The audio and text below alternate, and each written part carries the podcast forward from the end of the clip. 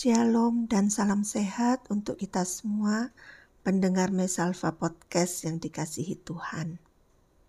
Puji Tuhan, hari ini kita kembali berjumpa dalam acara renungan harian yang difasilitasi oleh Mesalva Podcast Korps 4 Surabaya. Baiklah, sebelum kita bersama merenungkan firman Tuhan, kita akan satu di dalam doa. Tuhan Allah Bapa kami yang bertakhta di dalam kerajaan surga, pada saat ini kami sungguh bersyukur untuk kasih setia Tuhan yang Tuhan sudah nyatakan dalam kehidupan kami. Terima kasih Tuhan karena saat ini kembali kami dapat kesempatan untuk mendengarkan bersama-sama merenungkan firman Tuhan. Biarlah firman Tuhan ini boleh menjadi kekuatan bagi kami di mana pun kami berada saat ini saat kami akan melakukan aktivitas kami, biarlah Tuhan juga memberkati kehidupan kami. Berbicaralah Tuhan melalui renungan hari ini. Di dalam nama Tuhan Yesus, kami sudah berdoa dan mengucap syukur pada Bapa di surga. Amin. Baiklah, saudaraku yang kekasih, saya percaya bahwa keadaan saudara-saudara di mana pun saat ini berada dalam keadaan diberkati oleh Tuhan. Tema renungan hari ini adalah cari Tuhan, maka kamu akan hidup, kamu akan selamat. Pembacaan firman Tuhan hari ini terambil dari kitab Amos, pasal yang keempat hingga ayat yang keenam. Saya baca di dalam nama Tuhan. Sebab beginilah firman Tuhan kepada kaum Israel Carilah aku, maka kamu akan hidup. Janganlah kamu mencari Betel, janganlah pergi ke Gilgal, dan janganlah menyeberang ke Beersheba. Sebab Gilgal pasti masuk ke dalam pembuangan, dan Betel akan lenyap. Carilah Tuhan, maka kamu akan hidup supaya jangan ia memasuki keturunan Yusuf bagaikan api yang memakannya habis dengan tidak ada yang memadamkannya bagi Betel. Amin. Firman Tuhan terambil dari Amos 5 ayat yang keempat. Yang demikian firman Tuhan. Sebab beginilah firman Tuhan kepada kaum Israel. Carilah aku, maka kamu akan hidup. Saudaraku yang kekasih, uh, saya membaca bahwa Amos adalah seorang nabi di Israel pada abad ke-8 sebelum Masehi. Nama Amos berarti beban. Ia penduduk Tekoa wilayah Yehuda yang terletak kira-kira 16 km sebelah selatan Yerusalem dan 6 km sebelah selatan Bethlehem. Desa Tekoa terletak di perbukitan kurang lebih seribu meter di atas permukaan laut. Kitab Amos sendiri di dalam Alkitab ditulis oleh Nabi Amos. Dan diceritakan di sana bahwa Amos adalah seorang peternak domba dari Tekoa. Tertulis di dalam Amos 1 ayat 1 suatu desa di pinggiran Yehuda kira-kira 15 km di sebelah selatan Bethlehem. Dan dikatakan juga bahwa kitab Amos merupakan salah satu kitab dalam kumpulan kitab nabi-nabi. Saudaraku yang kekasih, diceritakan bahwa Amos adalah seorang biasa. Dia hanyalah seorang petani dan peternak. Namun ia dipanggil Tuhan menjadi hambanya, menjadi nabinya, dan ia seorang nabi yang menyampaikan firman Tuhan secara berani. Luar biasa. Saat saya mendapat kesempatan untuk menyampaikan renungan ini dan pembacaan dari kitab Amos, saya menjadi tertarik membaca uh, mulai dari Fatsal 1. Uh, eh, saat saya membaca memang saya agak ngeri membacanya karena di situ dikisahkan bagaimana Amos sangat berani mengecam uh, bangsa Israel sebagai umat Tuhan atas kesalahan dan dosa-dosa yang mereka perbuat. Amos mengecam apa yang salah dalam perilaku mereka. perilaku hidup yang tidak sesuai dengan harapan atau tidak sesuai dengan kehendak Tuhan sebagai umat-umat pilihan Tuhan. Mereka juga melakukan penyembahan berhala. Ibadah ternyata hanya sebagai sandiwara untuk menutupi dosa-dosa umat Tuhan.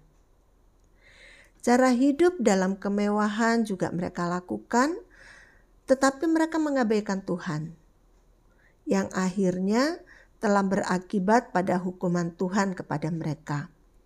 Itulah sebabnya Nabi Amos berseru agar mereka mencari Tuhan supaya mereka tetap selamat, supaya mereka tetap hidup. Saat itu bangsa Israel berada pada puncak kerusakan mental mereka. Yang kaya dan merasa hebat menindas mereka yang lemah. Bahkan hal itu tidak menjadi rahasia, bahkan telah menjadi perilaku yang berlangsung berulang-ulang dan terjadi setiap hari. Dalam kisah tersebut dengan tegas Amos memberitahukan perbuatan jahat mereka yang penuh dengan kemunafikan.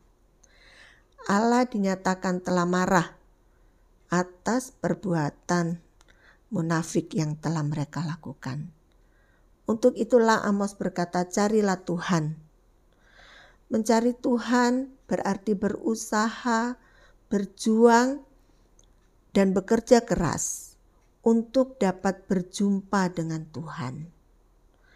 Dan Amos mengharap dengan mengatakan carilah Tuhan, maka bangsa Israel pasti akan mendapatkan Allah, bertemu dengan Allah. Saudaraku yang kekasih, saat ini kita juga sebagai umat percaya di masa-masa yang modern saat ini, di masa-masa yang begitu banyak kemajuan-kemajuan, kita diperhadapkan pada kondisi yang sangat memungkinkan kita untuk melupakan Tuhan, atau sangat memungkinkan kita dapat berbalik dari Tuhan. Kita nampak beribadah, tetapi hati dan pikiran kita dipenuhi dengan dosa dan ketidaklayakan di hadapan Tuhan. Tuntutan ekonomi, tuntutan pengakuan sosial, bahkan pengakuan melalui media sosial, tuntutan nampak hidup modern dengan alasan mengikuti zaman dan alasan adaptasi terhadap kemajuan teknologi akan sangat mudah membawa kita pada pikiran dan sikap mengabaikan Tuhan, dan pada akhirnya membawa kita pada keberdosaan. Melalui kisah Nabi Amos ini, mengajak kita dengan menyadari keberdosaan kita. Marilah kita mendengar panggilan dan undangan Tuhan untuk berdoa. Ini adalah undangan yang berisi kemurahan dan anugerah Tuhan. Carilah Tuhan, maka kamu akan hidup. Umat Tuhan perlu berdiam diri agar dapat sungguh-sungguh mendengar suaranya dan akhirnya membawa kita pada pertobatan. Carilah Tuhan berarti kita sedang berada pada sebuah proses pertobatan. Carilah Tuhan berarti kita harus mengakui semua dosa-dosa kita dan berjanji untuk bertobat. Carilah Tuhan berarti Tuhan sedang menunggu kita untuk mengaku dosa dan kita bertobat. Carilah Tuhan berarti kita harus suka mendengar firman-Nya dan suka melakukan firman-Nya dalam kehidupan kita setiap hari. Carilah Tuhan berarti semakin memiliki hubungan yang intim dengan Tuhan serta tekun berdoa. Tuhan Yesus akan memberkati kita dan akan memampukan kita berjalan mencari dan mengikuti kehendak Tuhan. Amin. Biarlah firman Tuhan yang singkat saat ini membawa kita untuk menyadari keberadaan Tuhan, mengakui keberadaan Tuhan, dan selalu mengingatkan kepada kita mendengar undang undangan Tuhan untuk kembali mencari Tuhan, supaya kita selamat, supaya kita tetap hidup dan memuliakan nama Tuhan. Amin. Kita akan satu di dalam doa.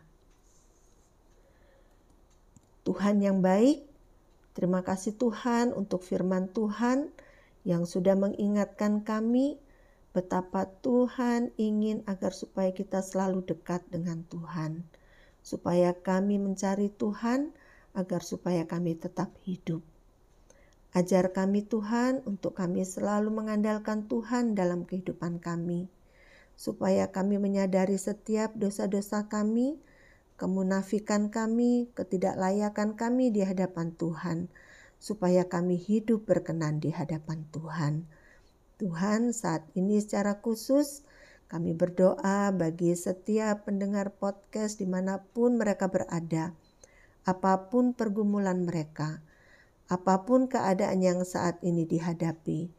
Tuhan, hadirlah di hadapan kami Hadirlah di hadapan saudara-saudara kami yang membutuhkan kehadiran Tuhan, terutama Tuhan bagi saudara-saudara kami yang sedang mencari Tuhan. Hampiri Tuhan, berkati kehidupan kami semua. Terima kasih Tuhan, inilah kehidupan kami. Kami hanya berserah kepada Tuhan untuk kami selalu dapat mencari kehendak Tuhan dan terlebih berjalan sesuai dengan kehendak Tuhan. Di dalam nama Tuhan Yesus, kami sudah berdoa dan mengucap syukur. Amin. Terima kasih, dan Tuhan memberkati.